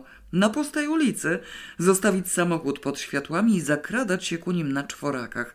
Rzeczywiście, nie zwróciliby na mnie żadnej uwagi. Marzena zastanawiała się intensywnie. Nie podoba mi się to wszystko. Czy oni tworzą całą szajkę? Pasożyt, Pamela, Blekot, Marianek? Anita? Podsunęła zachęcająca Alicja. Anita niepewna, zaprotestowałam. Odczep się od niej chwilowo. Zaraz, ciągnęła Marzena. Nie przeszkadzajcie mi, myślę. To ma jakiś logiczny ciąg. Niech go znajdę. Był Blekot. Marianek zwierzał się Alicji z kłopotów i twierdził, że musi coś znaleźć. Mętnie twierdził, przypomniała Alicja. Mętnie, nie szkodzi. Wpatrywał się w kocie worki, ale mógł nawet nie wiedzieć, w co się wpatruje. Blekot zostawił lekturę Jasie i chce ją odzyskać. Zależy mu. Załóżmy, że wysłał Marianka, żeby znalazł i ukradł. W atelier? U Alicji wszystko może leżeć wszędzie. Wyobraź sobie, Marzena odwróciła się nagle do mnie. Alicja czyta to, no przegląda, na tarasie. Wpada jej w oko jakaś roślina. Trzeba jej podsypać trochę nawozu. Idzie do atelier po miskę z mierzwą. Czasopismo zostawia gdziekolwiek wśród ceramiki. Wyobrażam to sobie bez najmniejszego trudu, zapewniłam ją. W ten sposób właśnie ona gubi najrozmaitsze rzeczy. Zresztą nie tylko ona, ja też. A jeszcze jak akurat zadzwoni telefon. No więc właśnie, można zestawić Blekota z Mariankiem, ale co w tym robią Pamela i pasożyt? A, już wiem. Nie mogąc wydusić nic sensownego z Marianka, Blackot próbuje zaangażować Pamelę. Niech tu przyjdzie do ciebie z wizytą i może jej się uda trochę rozejrzeć. Nie uda jej się, mruknęła Alicja, ale on tego nie wie, działa na dwa fronty. Pasożyta Pamela może znać tylko przypadkowo, chociaż jeśli szajka. Czy naprawdę nie masz nic cennego oprócz szachów, o czym on mógłby wiedzieć? Alicja, Licja skrzywiła się, obejrzała, wstała od stołu i wstawiła do mikrokuchenki filiżaneczkę z odrobiną wody. Nie chcecie kawy? Nie chcemy. Zastanów się, co masz. Nie wiem, nic. Srebra po ciotce, obraz po pradziadku. Nie trzeba ich szukać, bo wiszą na ścianach. I te szachy, o których nikt nie wie. Pasożyt mieszkał w tym pokoju. Gdyby wiedział, uważacie, że jeszcze by tam stały? No to zostają tylko koty w worku i czasopismo Jasia, orzekła Marzena stanowczo. W tym tkwi sedno rzeczy. Marianek i Pamela dowiedzieli się od Blekota, a pasożyt od Pameli. A właśnie, przypomniałam sobie, przeczytałyście tę prasę? Tak, i mnie się wydaje, zaczęła Marzena i nie dokończyła. Głuchy rumor dobiegł nagle z atelier. Coś się tam zwaliło i zleciało ze schodów. Poderwałyśmy się wszystkie trzy, od razu popełniając błąd, bo popędziłyśmy przez salon i pokój telewizyjny i otwieranie po drodze podwójnych drzwi zmarnowało nam trochę czasu. Tymczasem wyjście na teraz było szeroko otwarte i przez nie można było w mgnieniu oka wypaść na zewnątrz. Przepadło, kiedy udało nam się przedostać na pierwsze schodki. W głębi ogrodu mignęły tylko nogi w spodniach i był to jedyny dowód na upór i wytrwałość bezczelnego poszukiwacza. Zeszłyśmy jednak na dół, żeby ocenić rodzaj i rozmiar zniszczeń. No, no, powiedziała Marzena taktownie usiłując ukryć triumf. W połowie dolnych schodów leżał wypchany koci wór. Cholera, powiedziała Alicja zła jak diabli. Skąd on to wywlókł? Skąd wywlókł, to wywlókł, ale najwyraźniej w świecie nie mógł z pękatym ciężarem przedostać się na górę. Zepchnął dużo różnych rzeczy, w tym skrzyneczkę z suchym nawozem, drugą z jakimś drewnianym kawałkiem, stos papierów i dwa pudła, z czego jedno pełne kamieni. Kamienie turlając się narobiły największego łoskotu, z tym, że zepchnięte zostały nie sprawcą bezpośrednio, tylko wystającą deską, która wyglądała mi na połowę solidnej szuflady. Tkwiła jeszcze w poprzek i łatwo było odgadnąć, dlaczego wystraszony hałasem złoczyńca porzucił swój łup i uciekł z pustymi rękami. Wściekłość Alicji nieco się zmniejszyła. Wiedziałam, że ta resztka szuflady na coś mi się przyda, no i proszę. Swoją drogą to już szczyt wszystkiego, grzebać mi tu w biały dzień. A ten wór? Zaraz. Czy on nie leżał pod schodami? Świetnie ten kretyn trafił. Bo co tam jest? Zaciekawiłam się natychmiast. Nie jestem pewna, ale zdaje się, że stare koło garncarskie. Zmusiłyśmy ją do sprawdzenia zawartości od razu, bo nadmiar wątpliwości zaczynał przytłaczać. Istotnie na dnie wora spoczywało średnie koło garncarskie, wyżej zaś liczne szczątki starych butów, dwie pary łyżew, cztery zleżałe dętki samochodowe i połamane kawałki czegoś, przeważnie metalowe, oraz coś dużego, tekstylnego, podartego porządnie, zasłona okienna chyba, albo narzuta na tapczan, która skutecznie taiła kanciastą zawartość worka. Z koła wnioskując, to jednak twoja, nie kolejowe. Westchnęłam z żalem, bo już nabrałam nadziei na jakieś odkrycie. No więc jednak, powiedziała ze skrywanym triumfem Marzena, wracając do salonu, to przesądza sprawę. Możesz nie myśleć o własnych drogocennościach. Chodzi o koty w worku. Symbolicznie nazwijmy tę poszukiwaną rzecz jajkiem Faberża i zastanówmy się wreszcie porządnie. Jak myślicie, kto uciekł, facet czy baba? spytała Alicja z namysłem. W korytarzyku pojawili się Paweł z Beatą i natychmiast zostali poinformowani o wydarzeniach. Przejęli się średnio, Beata bardziej. Paweł mniej, przez lata znajomości z Alicją człowiek się uodparniał. Paweł poleciał do ogrodu sprawdzić drogę ucieczki poszukiwacza. Nie wiadomo do czego mu to było potrzebne, ale stwierdził, iż uciekł przez dziurę w żywopłocie, istniejącą od dawna i nigdy porządnie nie zarośniętą. Z jakiegoś tajemniczego powodu żywopłot wszędzie bujny, w tym akurat miejscu nie życzył sobie gęstnieć. Te dzieci, które kiedyś tę dziurę zrobiły, jak jeszcze miałaś śliwki, zauważyłam w zadumie, obecnie są już dorosłe. Może należałoby zażądać od nich naprawienia dewastacji. Alicja wzruszyła ramionami. Nie wiem, które to były, nie rozpoznaję ich. Tam nawet pokrzywy nie chcą rosnąć. Poza tym jej nie widać, jeśli się nie wie, ale ten jakiś wiedział. Znajomy. Cały czas przecież mówimy o znajomych, prawda?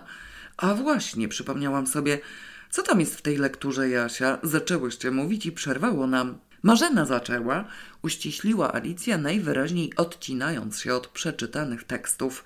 Wszystko jedno, zaczęła od jasnowidzenia na tle jajeczka, bo jedyne co mogłoby zainteresować złodzieja to te różne zaginione rzeczy, podjęła żywa Marzena. Najwięcej piszą o historycznej biżuterii, ale dalej jest cały artykuł na temat tajnych dokumentów w zasadzie też historycznych, ale dochodzących do współczesności. Korespondencja, umowy, różne zdrady i tak. Zaginęło jakieś doniesienie do papieża w XVII wieku, jakiś list kardynała Aleksandra do kochanki. Nie wiem, co to za kardynał. Coś tam z ostatniej wojny, parę innych derdymałów. Za niektóre można by dostać ciężką forsę. Podają nazwiska posłańców albo odbiorców i potem kamień w wodę. To wszystko to nie są duże rzeczy, opakowane były różnie. To rulon, to koperta, któreś było w pudełku podrobionym na tabakierkę. Biorę pod uwagę coś, co można zgubić, zostawić, na przykład w pociągu, a potem łatwo mieściło się w kocim worku, bo w taki naszyjnik królowej Klemencji nie wierzę, klap zdron wielki. Srebrny list też był dosyć duży, zauważyła sucho Alicja, co nie znaczy, że wierzę bodaj w jedno słowo tego szmatławca. Ale jeśli przypadkiem wymknęło im się coś zbliżonego do prawdy, to ona uważa, że któreś zaginione mogło się zaplątać do worka. Ja to mam. No bzdura. To jak inaczej skojarzyć namiętność Blekota do tego pisma z grzebaniem w twoich workach? Spytał logicznie Paweł. Co to ma być? Zbieg okoliczności? Nie chce mi się wierzyć. Najprościej byłoby rozbebeszeć worki, podsunęłam złośliwie. Co ty powiesz? prychnęła rozzłoszczona Alicja. To spróbuj. Spróbuję, na razie oczami. Poszłam do pokoju Beaty, gdzie Marzena deptała po dwóch workach i popatrzyłam. Dosyć, trzeba przyznać smętnie. Żeby się do nich dostać, należało usunąć dwa zasobniki na butelki po piwie, zapełnione częściowo pustymi butelkami, a częściowo różnorodnym chłamem, jakimiś patykami, rulonami ozdobnego papieru pakowego, drewnianymi listewkami różnej długości, narzędziami w rodzaju młotków, przecinaków, obcęgów i pilników z gatunku raszpli, a także długimi skalówkami, jedną sterczącą w górę przekładnicą. Następnie ominąć stojący w poprzek niewielki regał z mnóstwem papierów, komutkę, na której spoczywał potężny tobuł, na oko tekstylny, trzy kolejne stosy papierów, głównie gazet, kolorowych czasopism, kopert i prospektów, starą walizkę z pewnością czymś wypełnioną, tajemniczy żelazny trójnożny stojak i wspartą o niego złożoną drabinkę. Ponadto przedrzeć się przez olbrzymią ilość pudeł i podełek, w większości kartonowych, chociaż co najmniej trzy były drewniane, a przynajmniej tyle udało mi się dostrzec. Przejścia do okna i stojącej przy nim szafy nie było, chyba że górą. Potem wszystkim, podobnie jak przełaziła Marzyna z ręcznikami, ale wtedy niektóre rzeczy trzymałyśmy w objęciach. Powinno się cały ten nabój usunąć z pokoju kawałek po kawałku i nawet obejrzałam się za siebie, chociaż z góry wiedziałam, że nie ma gdzie. Korytarzyk był wąski i też zastawiony regałami. Wynieść na zewnątrz do ogrodu? Galernicza praca. Wróciłam do kuchni. Oczami się nie dało, oznajmiłam. Zniechęciłam się. Podwójna robota. Dlaczego podwójna? Zaciekawiła się Beata. Wyniósłszy trzeba później wnieść z powrotem, bo nigdzie indziej nie ma na to miejsca. Nawet korciło mnie, żeby zrobić początek i zabrać to, co miałam najbliżej. Na przykład młotek i przekładnicę. Ale co bym z tym zrobiła? Siedziałabym tu trzymając je w rękach? To już nie chcesz rozbebeszać worków? Wyzłośliwiła się słodko Alicja.